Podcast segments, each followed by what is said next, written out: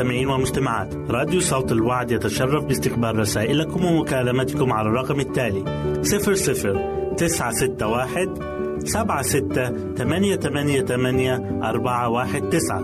نشكركم ونتمنى التواصل معكم. والسلام علينا وعليكم.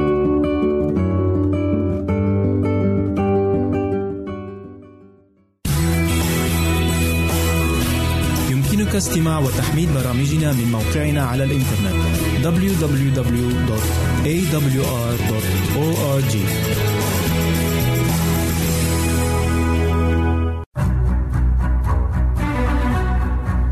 أعزائي المستمعين والمستمعات تتشرف راديو صوت الوعد باستقبال أي مقترحات أو استفسارات عبر البريد الإلكتروني التالي راديو آل في مرة أخرى بالحروف المتقطعة R A D I O at A L شرطة W A A D نقطة تي في والسلام علينا وعليكم.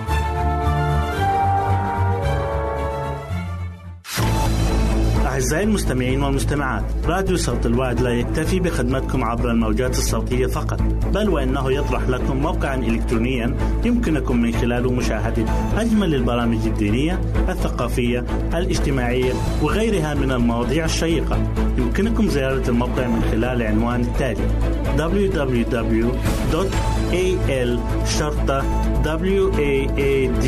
waad.tv مرة أخرى بالحروف المتقطعة www.al-waad.tv والسلام علينا وعليكم.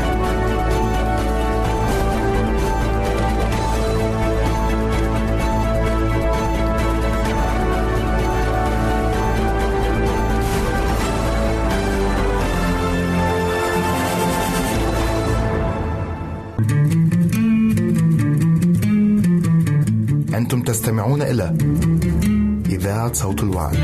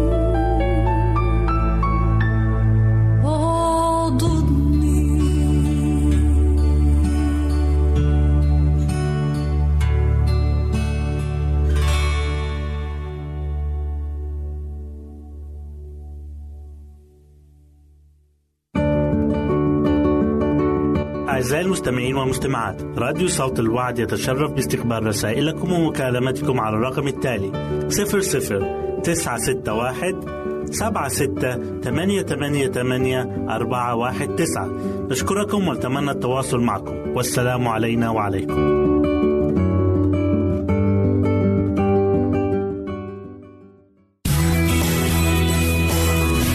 يمكنك استماع وتحميل برامجنا من موقعنا على الإنترنت. www.awr.org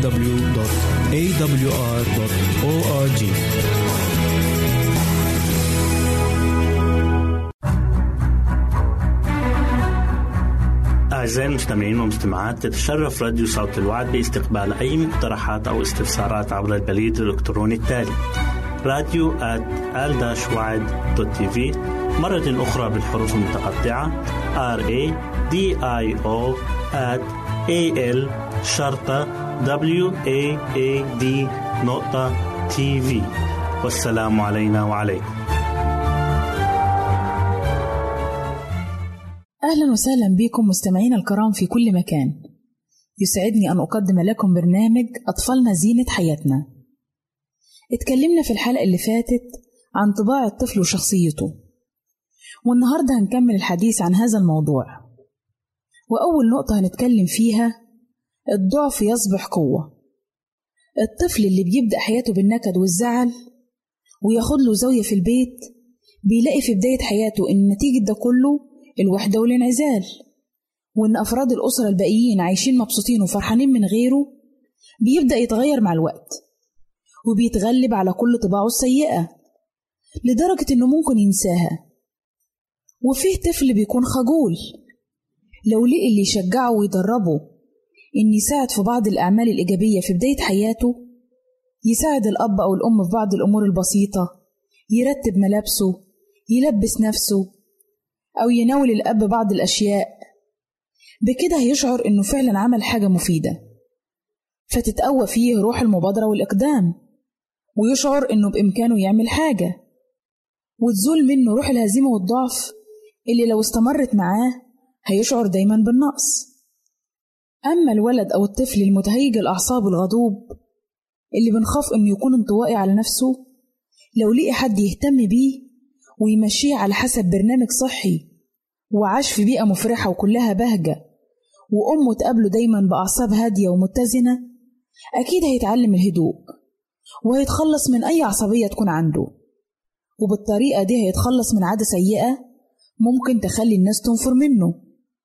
لازم يبدأ التدريب على كل ده في بداية حياة الطفل علشان يبقى فيه فرصة للطفل إنه ينساها لما يكبر وبالتالي هيتغلب على النقص أو الضعف اللي عنده إلى أن يزول نهائيا من حياته. نقطة تانية مهم نتكلم فيها وهي تأثير الكبار في الطفل. مفيش شك إنه مهما كان نوع الطفل إلا إنه بيصبح إلى درجة بعيدة نسخة طبق الأصل عن الكبار اللي بيتربى بينهم. وده لأنه بيحاول يقلد كل حاجة هما بيعملوها قدامه. يعني لو شاف قدامه العناد وحدة الطبع أو سرعة الغضب والتذمر أكيد هيكون فيه نفس الطباع. لكن إذا شاف حواليه الهدوء والاتزان والبشاشة والسلوك الحسن المفيد هتتغير فيه كل ميول مش كويسة من غير ما يشعر. والطفل عادة ما بيبصش على نفسه لكن بتتجه كل حواسه وملاسه للعالم الخارجي الكبير حواليه والكل اللي بيشوفه. ومادام بيلتفت للخارج مش لنفسه هيصير نموه سير طبيعي وحسن. لكن إذا بدأ يبص على نفسه نتيجة لملاحظته كلام الكبار حواليه فبالطريقة دي بتتجه أفكاره ناحية نفسه كأنه أهم فرد في محيطه اللي عايش فيه.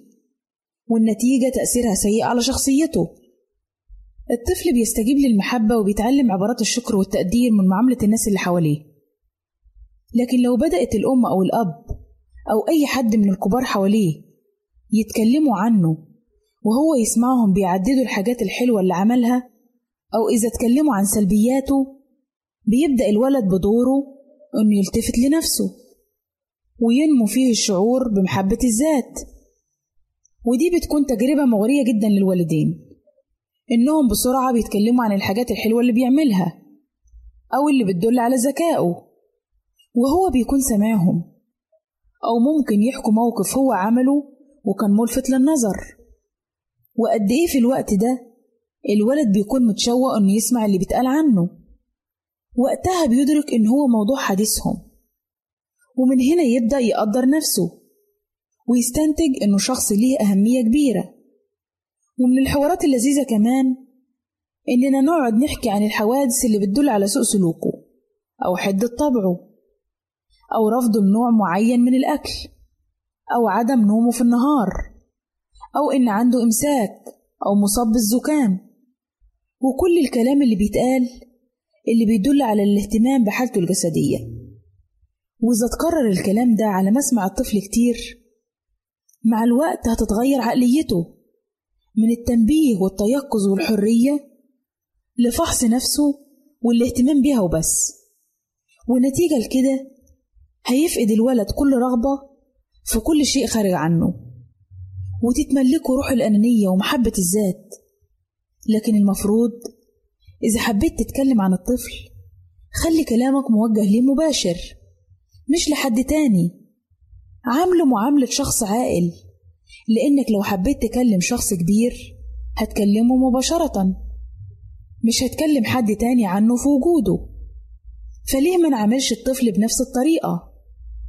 الطفل شخص عاقل ولما نعامله كشخص كبير بننمي شخصيته وإلا لو ما عملناش كده هنقوده لأمور مش كويسة. فياريت أعزائي نخلي بالنا إننا علينا مسؤولية كبيرة في تنشئة ولادنا لأننا قدوة قدامهم زي ما إحنا نتصرف هم هيتصرفوا بالظبط. هيكونوا صورة طبق الأصل مننا. عشان كده المسؤولية كبيرة علينا. وإلى هنا نأتي أعزائي إلى نهاية برنامجنا أطفالنا زينة حياتنا. نسعد بتلقي آرائكم ومقترحاتكم وتعليقاتكم. وإلى لقاء آخر على أمل أن نلتقي بكم. تقبلوا مني ومن أسرة البرنامج أرق وأطيب تحية. وسلام الله معكم. أعزائي المستمعين والمستمعات راديو صوت الوعد لا يكتفي بخدمتكم عبر الموجات الصوتية فقط بل وإنه يطرح لكم موقعا إلكترونيا يمكنكم من خلاله مشاهدة أجمل البرامج الدينية الثقافية الاجتماعية وغيرها من المواضيع الشيقة. يمكنكم زيارة الموقع من خلال العنوان التالي www.al-waad.tv مرة أخرى بالحروف المتقطعة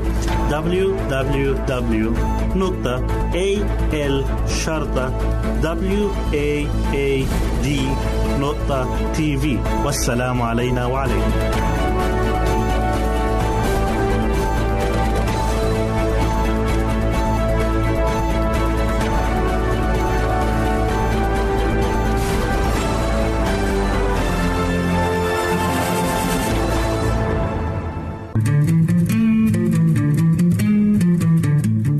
تستمعون إلى إذاعة صوت الوعي.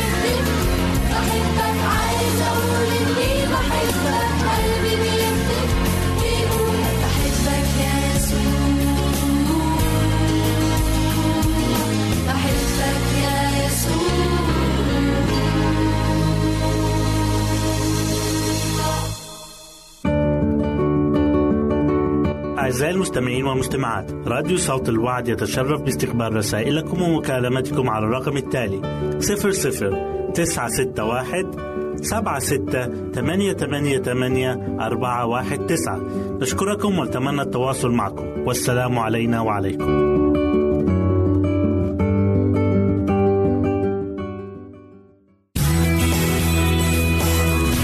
يمكنك استماع وتحميل برامجنا من موقعنا على الإنترنت. www.awr.org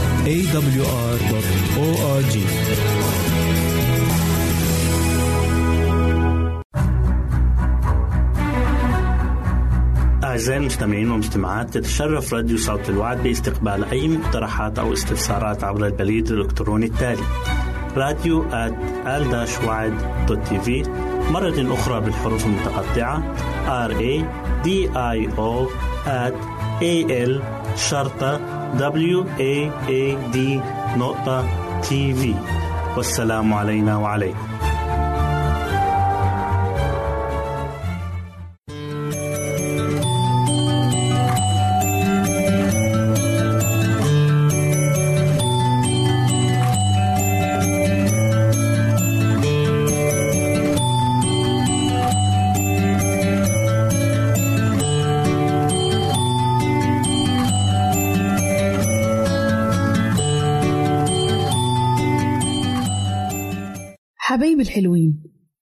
أهلا بيكم في برنامج قصص وحكايات لأحلى صبيان وبنات.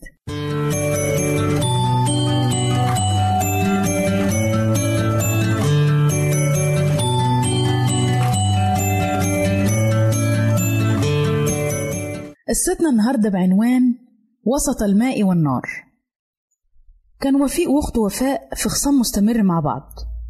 وفي أحد الأيام قالت لهم مامتهم إن كنتم مش هتبطلوا اللي بتعملوه ده وتوقفوا الخصام بتاعكم أنا هخليكم تناموا بدري. أنا مش عارفة أنتوا ليه بتعملوا مع بعض كده. معقولة في أخ وأخته يعملوا في بعض كده؟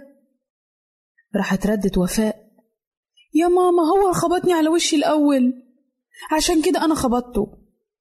راح رد وفيق وقال لها وهي يا ماما ضربت القطر بتاعي برجلها وراحت وقعته وبهدلته. وندت لها عقابها. راحت ردت الأم. أنا بقول لكم إن ما بطلتوش الكلام اللي بتعملوه مع بعض ده مش هيحصل لكم كويس. راح قال وفيق. هي اللي غلطانة ووفاء ترد عليه وتقول له لا أنت اللي غلطان مش أنا اللي غلطانة ومحدش عارف إيه اللي غير سلوكهم وطريقتهم مع بعض كده. لأنهم كانوا صديقين حلوين مع بعض. وهم كمان إخوات وكانوا دايما بيلعبوا مع بعض. بس مش عارفين إيه الحكاية. من وقت ما بدأوا يروحوا المدرسة وكل واحد اتغير من ناحية التاني. يعني كان وفيق يجيب أصحابه يلعبوا معاه في البيت ويقضي معاهم أحلى الأوقات وكمان وفاء كانت بتعمل كده. كانت بتجيب صاحباتها معاها البيت ويقعدوا يقضوا وقت حلو مع بعضيهم. لكن لما يجتمع الأخ والأخت مع بعض وحديهم يبدأ الخصام والجدل. وكانوا ما بيتفقوش مع بعض أبدا. يعني لو واحد فيهم قال حاجة التاني يقول عكسه. وفي يوم من الأيام راحت الأم قالت لهم أنا رايحة السوق بس أتمنى إنكم ما تتخانقوش مع بعض. ويا دوب الأم طلعت من البيت وبدأ وفيق وأخته يتجادلوا مع بعض وبدأوا يتخاصموا مع بعض تاني. هو يقول لها إياكي تلمسي القطر بتاعي. وهي تقول له هلمسه أما أشوفك هتعمل لي إيه؟ أنا مش خايفة منك. وهو يقول لها وانت إياكي تتجرأي وتلمسيه.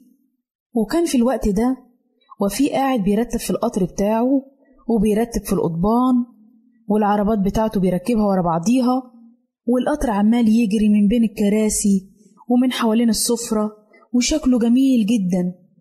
وفجأة حصلت حاجة غير متوقعة. إحنا مش عارفين إذا كانت وفاء تقصد تعمل كده ولا لأ. ووفاء بتعدي من فوق القضبان راح كعب رجلها خبط في مدخنة القطر راح قلب القطر كله. وقعد يصرخ أخوه وفيق أنت بنت غبية أنت ما بتفهميش. وقام على حيله طلع يجري ورا وفاء ووفاء طلع تجري قدامه لكن وفاء كانت أسرع عشان هي صغيرة وأخف منه. وكان وفيق بيزيد غضبه كل ما حس نفسه إن هو مش قادر يحصلها. وفجأة صرخت وفاء بص يا وفيق النار بتشتعل. لأن وفيق في حالة غضبه نسي القطر. ولهيب الكحول المحترق اللي كان بيمشي القطر اترشح في كل الغرفة ولما القطر اتقلب بدأ اللهيب يرتفع ومسك في بعض الجرايد اللي كانت مرمية على الأرض والكراسي وأطراف الستاير وقال لها حطي الدواسة على النار هاتي أي حاجة وطفي بيها النار. وبدأ يحول في مية عشان يطفي بيها النار واللهيب اللي عمال يمسك في الستاير ويمسك في الكراسي وفي كل حاجة. وبصوا لقيوا راجل من جيرانهم على ما شاف النار جه جري بسرعة وبدأ يطفي معاهم النار. لكن النار كانت مش راضية تطفي وكمان وصلت لستاير البيت. وبعد ما طفوا النار وهديت الحالة راحت صرخت وفاء وقالت أنا رجلي مقلماني جدا. راح بص عليها الجار وقال لها يا بنتي ده النار حصلتك النار حرقت جلدك. روحي وفيق بسرعة هات الدكتور. وفي دقايق قليلة كان الدكتور جه البيت. ولما وقعت عين الدكتور على وفاء راح طلب الإسعاف حالا بالتليفون وأخدوا وفاء وراحوا بيها المستشفى. وبعد نص ساعة من الحادث رجعت الأم البيت وشافت المشهد المحزن شافت البقعة السودة الكبيرة في غرفة السفرة ووفي قاعد يبكي بمرارة ومش قادر يهدى. ولما سمعت الأم القصة واللي حصل كان هيغمى عليها من اللي سمعته. راح قال وفيق لمامته يا ماما وفاء بنت شجاعة جدا. مفيش بنت زيها لأنها حاولت بكل قوتها إنها تطفي النار معايا. ولما وفاء اتحجزت في المستشفى كان وفيق كل يوم بيروح يزورها في المستشفى. وحس وفيق في الوقت ده إن أخته وحشته قوي لأنها غايبة عن البيت. ومن وقتها اتغيرت خالص العلاقة بتاعت وفيق مع أخته ومع إنهم ما تكلموش مع بعض عن اللي حصل لكن حط في قرارة نفسه إنه ما يزعلهاش مرة تانية. ومن وقتها أصبحوا محبين وكويسين مع بعض كل واحد مع التاني. ومن القصة دي يا ولاد نتعلم درس مهم جدا في حياتنا. إننا ما نبقاش قاسيين مع إخواتنا. نعملهم كويس ونعيش مبسوطين وفرحانين مع بعض بدل ما نجلب لبعضينا الأذى ونعمل خسائر في البيت. وبكده حبايبي نكون وصلنا لنهاية قصتنا واستنونا في قصة جديدة من برنامج قصص وحكايات لأحلى صبيان وبنات. ربنا معاكم.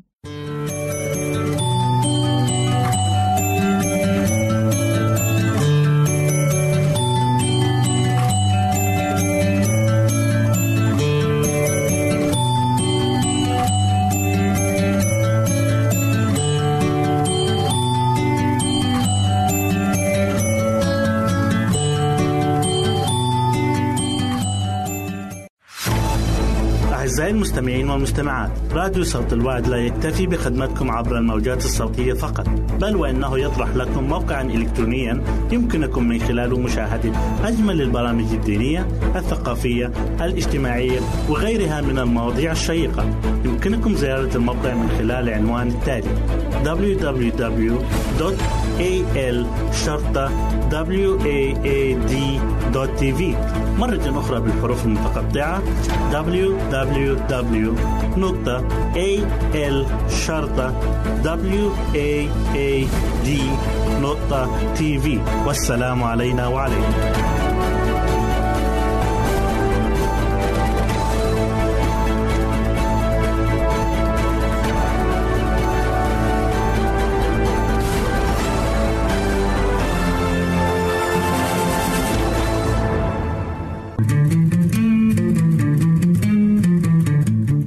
تستمعون إلى إذاعة صوت الوعد.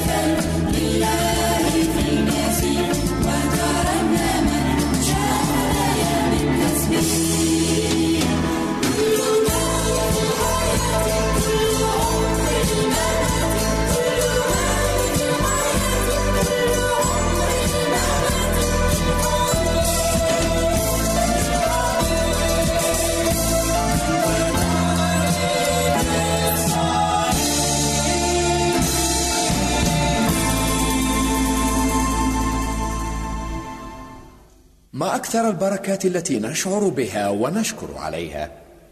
لكن تلك التي لا نشعر بها ولا نشكر عليها أكثر. ما أكثر المشكلات التي أخرجنا منها وشكرنا عليها. لكن تلك التي أبعدها عنا ولم نشعر بها ولم نشكر عليها أكثر وأكبر. وبالرغم من هذا فما أكثر الذين يحملون الشكوى بشفاههم والمرارة في قلوبهم والدموع في عيونهم وما أقل الذين يعزفون بقيثاراتهم ليشكروا الله. أعزائي المستمعين والمستمعات راديو صوت الوعد يتشرف باستقبال رسائلكم ومكالمتكم على الرقم التالي 00 961 سبعة ستة ثمانية ثمانية ثمانية أربعة واحد تسعة. نشكركم ونتمنى التواصل معكم. والسلام علينا وعليكم.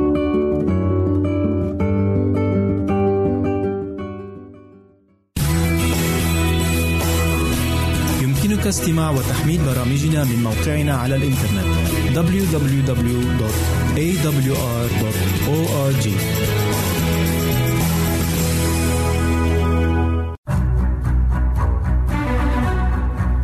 أعزائي المستمعين والمستمعات تتشرف راديو صوت الوعد باستقبال أي مقترحات أو استفسارات عبر البريد الإلكتروني التالي راديو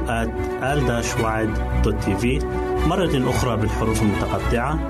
R A D I O at A L شرطة W A A D نقطة تي في والسلام علينا وعليكم.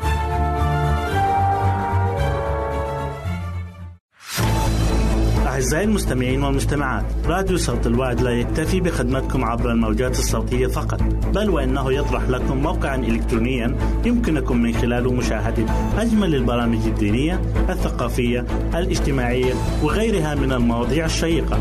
يمكنكم زيارة الموقع من خلال العنوان التالي www.al waad.tv مرة أخرى بالحروف المتقطعة www.al-waad.tv والسلام علينا وعليكم.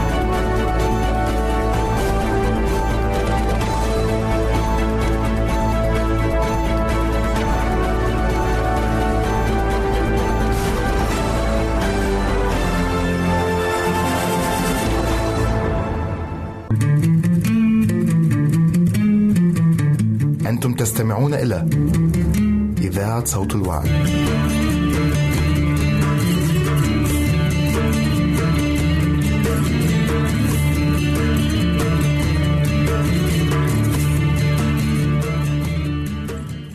مستمعينا الكرام بيتي جنتي برنامج يومي لكل العائلات. تسلط فيه الدكتورة منى الضوء على بعض الأمور العائلية. ويسرنا أن تقدم لنا اليوم محاضرتها الخامسة عشر بعنوان التعاون الجماعي. العديد من العائلات اليوم تتفكك وتتحطم أواصر الروابط بين أفرادها. والسبب في ذلك على ما أعتقد يرجع إلى افتقار هذه العائلات إلى روح التعاون فيما بين أفرادها. ندرك جيدا أهمية التعاون المتبادل بين أفراد فريق كرة القدم مثلا أو كرة السلة وغيرهما من النشاطات الرياضية. وتقترح الدكتورة منى بوجوب ممارسة نفس هذه الروح التعاونية بين أفراد الأسرة لأن ذلك يعمل على إرساء دعائم الاستقرار والانسجام بين أعضائها. ونترك المجال للدكتورة منى الآن لتوضح لنا مغزى اقتراحها هذا.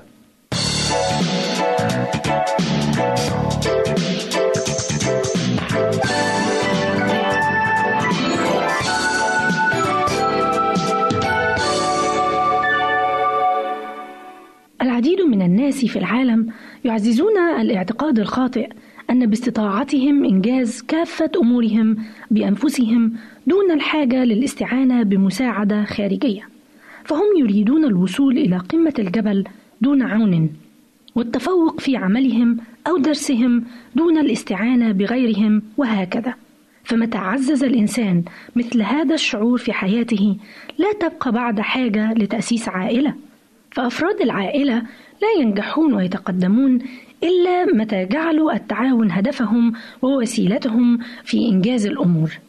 كانت الحياة صعبة على سلوى خاصة بعد أن طلقها زوجها وتركها بمفردها لتتولى مسؤولية تربية طفلين فوجدت المسكينة نفسها ترزح تحت حمل أثقل من أن تحمله وحدها. فقد كان عليها الآن أن تسعى لاكتساب الموارد التي بها تنفق على تربية الطفلين بالإضافة إلى عناء السهر على تلبية احتياجاتهما من مأكل ومشرب وتدريب وتعليم وما إلى ذلك من أمور. لم يتفهم أحد العبء الثقيل الذي وضع على عاتق سلوى، ولا حتى طفلها اللذان لم يكترثا للأمور بل وقد وجها اللوم إلى والدتهما على الطلاق الذي حدث، وقال لها أحدهما: لو أنك كنت زوجة جيدة لما طلقك والدي ورحل بعيدا فما الذي حدث في هذا البيت؟ لابد وأن أفراده كانوا يفتقرون إلى روح التعاون. أما سلوى فإلى جانب عملها الذي شغل معظم ساعات نهارها فقد سجلت اسمها في إحدى الكليات كي تواصل دراستها الجامعية التي كانت قد توقفت عنها بعد زواجها وكان دافعها في استكمال دراستها له ما يبرره. فقد أرادت الحصول على شهادة عليا حتى عن طريق تخصصها يمكنها أن تحصل على وظيفة أفضل وبالتالي يزداد مرتبها الذي تتقاضاه كل شهر. وهكذا تستطيع إعالة ولديها بطريقة أفضل. ولكنها لم تسأل طفليها أبدا في الأمر ولم تستشرهما كما أنها لم تطلب منهما أبدا أن يتعاونا معها في مسؤوليات البيت. أرادت أن تعمل كل شيء بنفسها فكانت النتيجة أن الطفلين لم يتدخلا في أمر من أمورها فزاد العبء الذي تنوء به وزاد معه شعورها باليأس والإحباط. كانت سلوى تهوى الرياضة وخاصة الركض فكانت تركض مسافة سبعة أميال في كل يوم سواء كان الطقس ممطرا أم مشمسا.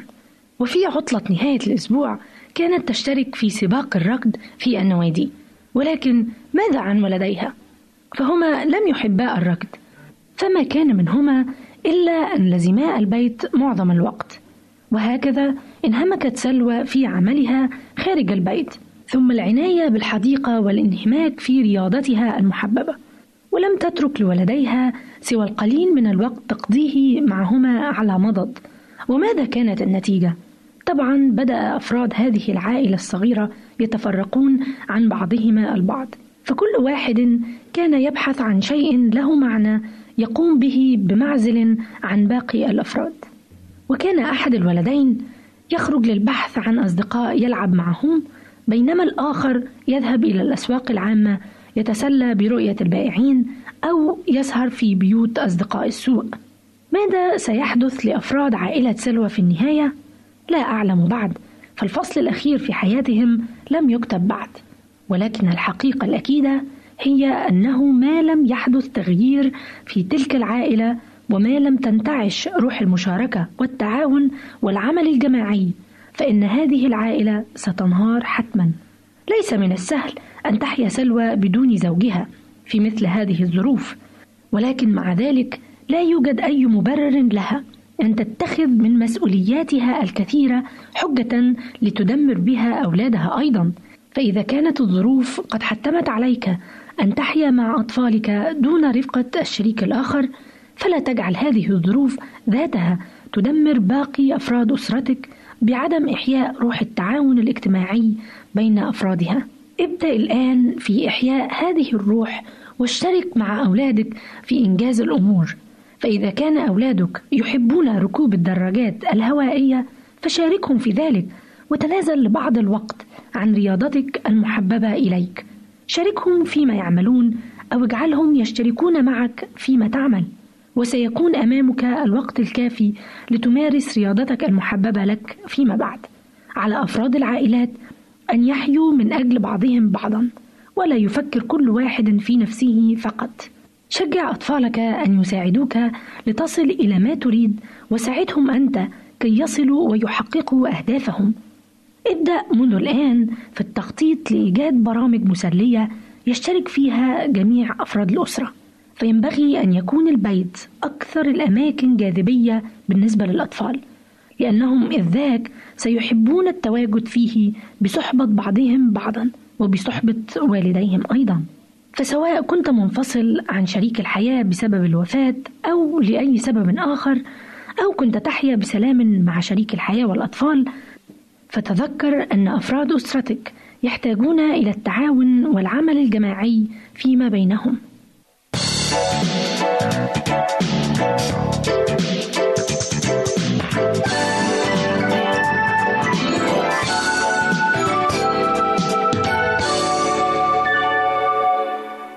التعاون الجماعي مستمع الكريم هو ما يوطد بالفعل أواصر الألفة والوحدة بين أفراد الأسرة الواحدة. أفلا تجرب هذه الطريقة لترى مقدار السعادة والسلام والطمأنينة التي تعم أسرتك. وحتى لقاء جديد من برنامج بيتي جنتي لكم منا أجمل أمان الخير والسعادة. أعزائي المستمعين والمستمعات راديو صوت الوعد لا يكتفي بخدمتكم عبر الموجات الصوتية فقط بل وإنه يطرح لكم موقعا إلكترونيا يمكنكم من خلاله مشاهدة أجمل البرامج الدينية الثقافية الاجتماعية وغيرها من المواضيع الشيقة. يمكنكم زيارة الموقع من خلال العنوان التالي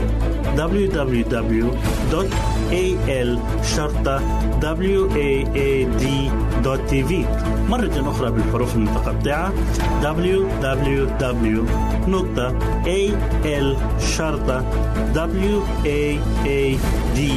www.al-waad.tv والسلام علينا وعليكم.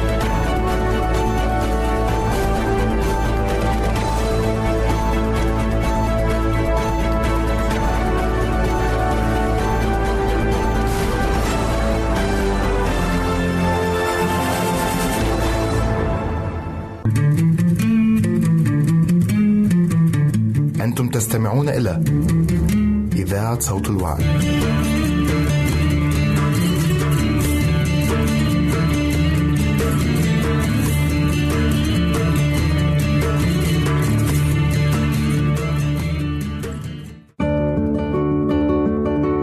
أعزائي المستمعين والمستمعات راديو صوت الوعد يتشرف باستقبال رسائلكم ومكالمتكم على الرقم التالي 00 961 سبعة ستة ثمانية ثمانية ثمانية أربعة واحد تسعة. نشكركم ونتمنى التواصل معكم. والسلام علينا وعليكم.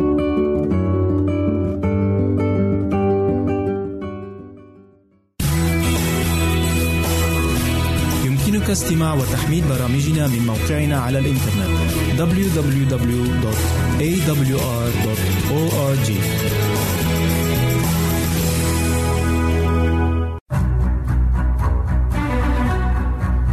أعزائي المستمعين والمستمعات تتشرف راديو صوت الوعد باستقبال أي مقترحات أو استفسارات عبر البريد الإلكتروني التالي راديو TV مرة أخرى بالحروف المتقطعة R A D I O A L شرطة W A A D نقطة TV والسلام علينا وعليكم.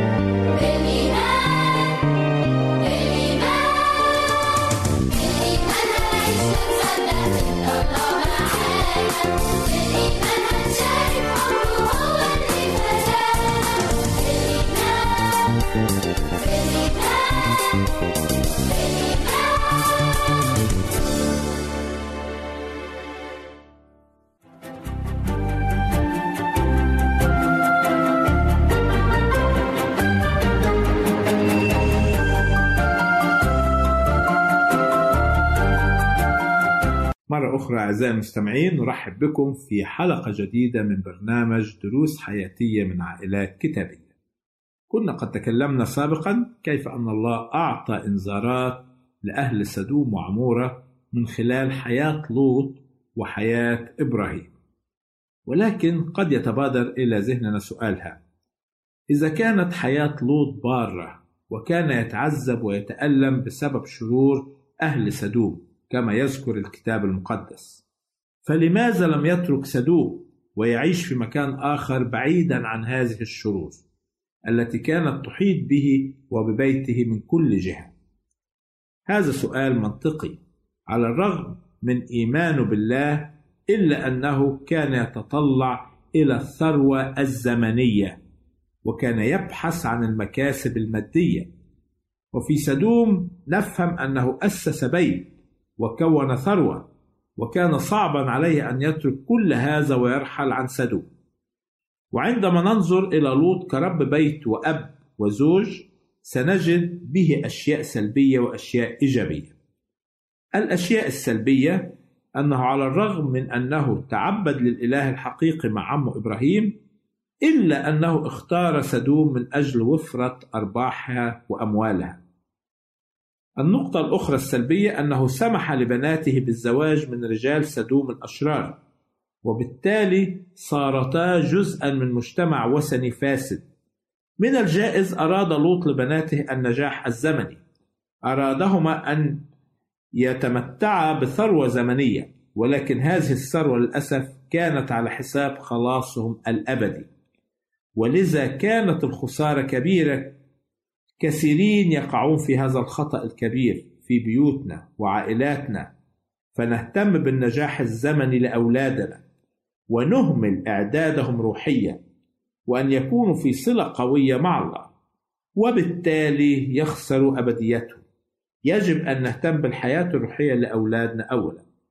كذلك نجد أن لوط كزوج كان له أثر سلبي على زوجته. فلقد تأثرت زوجته بتطلعات زوجها للنجاح الزمني. لذلك عندما أخرجهم الملكان وطلب منهم أن يهربا ولا ينظر ولا ينظران إلى الوراء كان تفكير زوجة لوط في البيت والثروة والممتلكات التي خلفاها وراءهم وتركاها تدمر في سدوم. ولشدة تعلقها بالأشياء المادية التفتت إلى الوراء فيقول الكتاب المقدس فصارت عمود ملح. أيضا نجد بسبب تردد لوط وضعف إيمانه كان تأثيره ضعيفا جدا على أصهاره. فعندما أنذرهم بهلاك المدينة يقول الكتاب أنه كان كمازح في أعينهم.